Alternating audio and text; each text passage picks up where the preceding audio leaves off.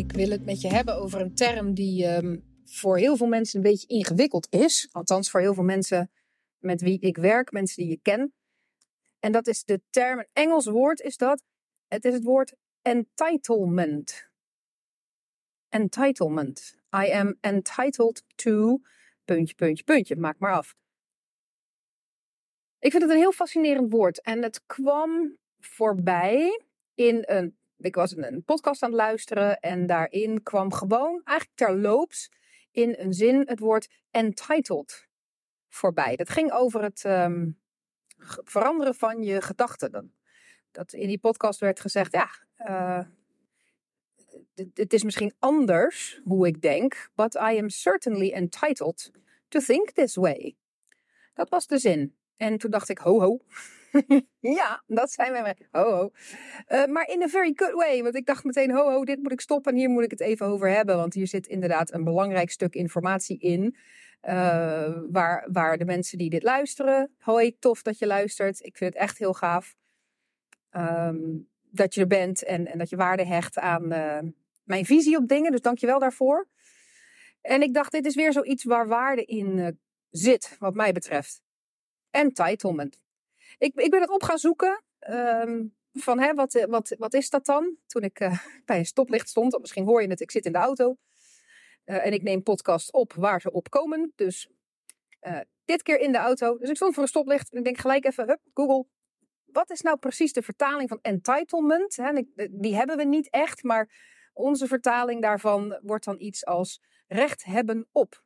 Gerechtigd zijn om gerechtigd zijn. Je hebt dus recht op. Gewoon per definitie. Je bent gerechtigd om. Vul maar in. Entitled. Recht hebben op. En eh, wat ik zo grappig vind is dat entitlement is weer zo'n woord waar voor heel veel mensen een heel verhaal omheen is ontstaan. Hè? Een heel, heel narratief en daarmee een heel emotioneel spectrum wat eraan is gehangen. En dat is vaak niet altijd positief als mensen zeggen van nou ja, die uh, zo'n entitled uh, persoontje. He thinks he's so entitled. Het, het, is vaak heel negatief, hè? Van die denkt dat hij zomaar uh, recht heeft op. Eigent zich alles toe. Enzovoort. Het is entitlement is, is best wel een geladen woord bij veel mensen. Um, en ik interpreteer dat als volgt. Ik, ik vind het namelijk altijd fascinerend als er een woord is waar veel mensen, want dit gebeurt bij heel veel mensen, een negatieve emotionele lading aangeven, terwijl dat in het woord zelf helemaal niet zit. Hè? Recht hebben op, being entitled, is gewoon alleen maar dat. Recht hebben op, niet goed, niet fout, niet sommige mensen hebben dat en anderen niet. Nee, gewoon het woord zelf is volledig neutraal. As is uh, every word uiteindelijk, maar dat is een weer verhaal voor een andere keer. Maar een hele grote groep heeft daar een negatieve lading aan gehangen. Waarom? Omdat de enige mensen die zich ook daadwerkelijk zo presenteerden, ja, ik heb recht op, yes, I am entitled to this life, um, zijn vaak mensen die, die best wel veel uh, wil, ik wou zeggen wilde. Ja, dat is ook zo'n woord dat niemand meer gebruikt. Yvette, nerd. Uh, dus laten we zeggen, uh, mensen die heel veel um, welzijn hebben. En dan vooral in het materiële. Dus mensen met uh, veel geld, grote huizen, vier auto's, vaak ook nog titels waar ze volgens degene die hier negatieve lading aangeven, zijn niet mijn woorden, maar um, waar ze mee te koop lopen te koop lopen met. Entitlement is, is een beetje synoniem gezet aan mensen die te koop lopen met. En dat vinden we dan iets uh, negatiefs. Nou, ik vind dat persoonlijk niet. Ik heb er al heel lang geleden een sport van gemaakt om als ik iemand tegenkom die iets heeft of iets uitdraagt waarvan ik denk, yo, wou dat ik dat had. Dat ik die gedachte direct omvorm tot good for you good for you. En dan ook echt oprechte, ik meen dat. Het is niet een sarcastische, nou, good for you. Eh, maar ik meen dat. Good for you. Ik gun het mensen zo enorm dat ze veel geld hebben, grote huizen, drie auto's voor de deur. Ik gun dat oprecht iedereen. Waarom zou ik dat iemand ter wereld niet gunnen. Ja, dan zou je kunnen zeggen, nou Yvette, omdat sommige mensen zijn nogal een asshole. En dat, dan is het uh, toch niet gek dat ik denk, jeetje, dan ben je zo'n asshole. En dan heb je zoveel. Terwijl er ook heel veel mensen zijn en die zijn niet een asshole. En die hebben niet zoveel. Die hebben misschien zelfs wel heel weinig. Dat is niet eerlijk. Nou, hoewel ik die gedachtegang vanuit een menselijk en emotioneel perspectief snap, vind ik hem simpelweg niet juist. Iedereen die op de een of andere manier heel veel, veel in zijn leven aan, uh, aan overvloed in zijn leven heeft. Of dat nou komt omdat hij daar gewoon in dat milieu geboren is. Of dat hij er zelf uh, knijterhard voor gewerkt heeft. Dat maakt mij eigenlijk niet zoveel uit. Want ik geloof in alles is aantrekking. En dus iemand die, die natuurlijk in een heel rijk gezin geboren wordt, die kan nog steeds op zijn zestiende helemaal ontspoord raken, aan de drugs gaan en alles, alles, alles kwijtraken. Kan ook, hè? Het is niet zo dat als je iets eenmaal hebt, dat je het dus houdt. Dus het feit dat mensen iets hebben, wil zeggen dat in hun energieveld, in hun aantrekkingsveld, dat het gewoon goed zit. Dat ze aligned zijn met die hoeveelheid aan overvloed. En ik denk dan alleen maar good for you. Want dat kan namelijk iedereen. Daar geloof ik ook in. En natuurlijk eh, ziet dat er voor iedereen anders uit. Uh, en, lang niet voor iedereen zal het er ook uitzien als heel veel geld, grote huizen, vier auto's voor de deur. Tuurlijk niet. Maar als dat er nou wel zo uitziet, waarom niet? Waarom niet? Nou, gaan we even terug naar entitlement. Wat voor veel mensen toch dan die negatieve, ja, zo'n asshole die te koop loopt met, hè, die denkt dat hij zo entitled is. En ik durf dan heel eerlijk bij mezelf naar binnen te kijken en tot een conclusie te komen waarvan ik denk dat die voor veel meer mensen geldt dan dat ze misschien durven toegeven. Maar vaak als dat de, connotatie is, hè, asshole, met je entitlement, raakt dat bij mij gewoon aan een onvervuld verlangen. Dan raakt dat in mij aan de wetenschap dat ik net zo entitled ben, maar daar nog niet in ben gestapt. En het daardoor ook niet ten volle belichaam en leef. Er zijn altijd vlakken waarop dat aan de hand is. Zelfs met de mensen die dus zeg maar entitled en al te koop lopen met al hun materiële waarden, die ze in hun leven hebben gemanifesteerd, denk ik dat nog steeds een heleboel onvervuld verlangen zit van plekken waarop ze zeggen: ja, maar ik heb toch ook recht om de dingen op mijn eigen manier te doen. En niet zoals mijn ouders vanaf geboorte af aan van me verwacht hebben. Dat is leuk hoor. Ik, ik ben in zo'n rijke stinkertsfamilie uh, geboren. En ben ook netjes advocaat geworden. En heb netjes al mijn schaap op het drogen. Maar ondertussen ben ik diep, diep, diep, diep ongelukkig. Want eigenlijk voel ik dat ik het anders zou willen doen. Oh, dan is die dus in onze ogen, zeg maar, ik generaliseer een beetje. Dan is die in onze ogen dus ineens entitled. Want moet je maar kijken, hè, loopt zo te koop met, met zijn titels en zijn advocatenvriendjes en zijn dineetjes in een Rijksmuseum en uh, vier auto's voor de deur en een groot huis en weet ik veel. Maar ondertussen, ondertussen zit hij net zo ongelukkig te zijn als de mensen die wel het leven helemaal op hun eigen manier inrichten en zeggen, zo, want ik heb gewoon recht om uit die red race te stappen. I am entitled om dingen op mijn eigen manier te doen. Dat is net zo goed entitlement, hè? En daar zijn heel veel mensen dan heel trots op als ze dat voor elkaar hebben. En terecht ook. Good for you. Good for you. Alleen, dat vertaalt zich nog niet. Hè, er zit nog een onvervuld verlangen bij heel veel mensen. Om ook dat materiële stukje meer op orde te hebben. Dat dat meer die afspiegeling is ook van die overvloed en van die vrijheid. En, en van alles wat er aan, aan onbegrensde mogelijkheden ligt. Ja, dat is wel gewoon wat het is.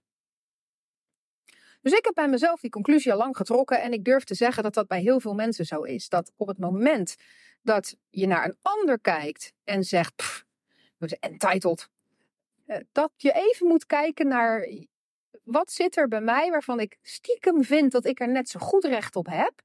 Maar ik heb het niet. En, en om dat te verbloemen, dat ik daarvan baal, ga ik gewoon eh, tegen een ander zeggen dat hij stom is. Want jij loopt zo te koop met, en zo wil ik echt niet worden hoor. Die zie je heel vaak, hè? Mensen zeggen, nou, ik heb liever geen geld dan dat ik zo ben zoals zo'n entitled persoon. Onzin! Je hebt niet liever geen geld. Echt niet. Echt niet. Je, eh, het, natuurlijk wil je niet worden zoals jij die ander ervaart. Maar de hele reden dat jij de ander zo ervaart is omdat je door je eigen bril zit te kijken. Hè? Niet omdat je die ander nou zo goed kent en oprecht kan zeggen: het is ook een asshole. Gewoon niet. Dus dat, is, dat maskeert iets anders. Nou, laten we even naar het scenario gaan dat je daar dus achter komt. Dat je zegt: ja, oké, ik durf dat wel aan om gewoon te zeggen: weet je wat, die entitlement, die heb ik ook en ik wil daarin stappen. Ik wil gewoon ook zeggen, ik ben net zo entitled. Ik heb net zoveel recht om gezien te worden, om gehoord te worden, om aanwezig te zijn, om groot te zijn, om een mening te verkondigen, om mensen te inspireren, om daarmee ook geld te verdienen, om daarmee materialistische zaken te kunnen kopen omdat ik het te gek vind omdat ik het te gek vind om mijn droomauto voor de deur te hebben. Omdat ik het te gek vind om in een huis te wonen wat, wat me ruimte biedt en rust. En op een plek staat waar ik van hou. Er is toch niks mis met al die dingen? Dus laten we als gedachte-experiment daar ook even instappen. Stel dat je dat gaat doen. Hoe denk je dan dat dat voelt? Ik geef je even. Ja, er is waarschijnlijk maar één juist antwoord hierop. Ik ga je vertellen hoe dat voelt. Dat voelt niet goed. Dat voelt niet goed als je daarin stapt. Huh? Ik vind dat raar. Dan zit je een heel betoog te houden waarbij ik eigenlijk denk, nou vooruit, nu ben ik eraan toe om, om te zeggen, oké, ik ben ook entitled, hè. Ik heb net zo goed recht om gezien te worden, gehoord te worden, gewoon die basic stuff. En dan zeg je, maar dan ga ik daarin stappen en het voelt niet goed. Ja, dan moet ik het toch niet doen. Jawel, jawel. En dit is waar deze hele, dit hele relaas over gaat. Kijk, als ik naar de sportschool ga en ik zeg, weet je wat ik ga doen? Ik ga uh, eh, 100 kilo uh, wegdrukken op die bank, want dat wil ik gewoon kunnen. Lijkt me te gek. En, en ik pak, uh, nou ja, niet 100 kilo, hè, want dat gaat me gewoon echt niet eens lukken in één keer. Maar ik kan wel op het pad stappen om daar te komen. Voel je de metafoor? Dus ik stap op het pad om uiteindelijk daar te komen dat ik die 100 kilo gewoon met gemak wegdruk. Dus ik begin met een uh, wat kilootjes minder. Ik weet niet, uh, helemaal niet wat dan zeg maar een soort gemiddelde is waar je begint. Maar laten we zeggen, ik begin met de helft, begin met 50 kilo. Ik, voor de mensen die nu zeggen 50 kilo, het is veel te weinig. Sorry dat ik je beledig. Voor de mensen die zeggen 50 kilo is veel te veel. Ook voor jullie, sorry dat ik je. Ik heb hier niet zoveel verstand van. Maar hé, hey, voor de metafoor blijven we er even bij. Ik pak die 50 kilo en ik ga dat lekker liggen bankdrukken. Gewoon op en neer, op en neer, op en neer, op en neer, op en neer, op en neer. En ik word de volgende ochtend wakker. Hoe voelen mijn spieren dan? Ja, niet goed hè? Nee, nee. Man, die doen zeer. Die doen zeer. Alles in mij zegt dan, deed nooit meer. Nooit meer. Het voelt eerder alsof ik iets gesloopt heb dan dat ik goed bezig ben. Ja, dat klopt. En je sloopt ook letterlijk iets. Je sloopt de oude staat van je spieren. Dat is gewoon wat we weten. Dat is wat we weten. Is echt wat het is. Het is gewoon fysiek wat het is. Je sloopt de oude staat van je spieren. En waarom? Omdat ze daarna een klein tikje sterker helen. Dit is het principe van hoe je sterke spieren traint. Je sloopt ze een beetje. De oude staat sloop je. En dan komen ze daarvan bij. Rustdag, heel belangrijk hè, als je naar sportschool gaat, rustdagen. Dan kunnen je spieren namelijk herstellen. En ze herstellen altijd een tikkie sterker dan de oude staat was. En voor je het weet druk je 100 kilo weg en heb je niet zo'n pijn. En denk je, oh ja, lekker. Hetzelfde werkt het als je in een nieuwe energie stapt. Als jij gewend bent om niet je volle ruimte in te nemen, om niet te zeggen wat je te zeggen hebt, om niet echt gezien te worden door mensen, je, je podium te pakken, je zichtbaarheid te claimen en te zeggen: zo zie ik de dingen. Als jij niet gewend bent om mensen daarmee echt in beweging mee te nemen en, dat mensen ook echt zich anders gaan gedragen. En dat andere mensen dan gaan zeggen: Jeetje, moet je kijken wat hij aan het doen is. Dat er ineens naar je gewezen wordt. Als jij niet gewend bent om in die energie te stappen. En je gaat dat voor het eerst een beetje doen, zeg op 50 kilo. Ja, dan voelt dat even niet goed, want je sloopt je oude staat van zijn. Je sloopt je oude energie. En dat voelt in het begin gewoon nooit comfortabel. Maar dat is het moment dat je niet moet luisteren naar je oude programmering die dan gaat roepen: dit nooit meer. Dat doe je ook niet op de sportschool. Hè? Je, je snapt dat daar spierpijn bij hoort. En dan rust je een dagje uit en dan ga je weer. En zo blijf je trainen. Doe dat ook op dit moment.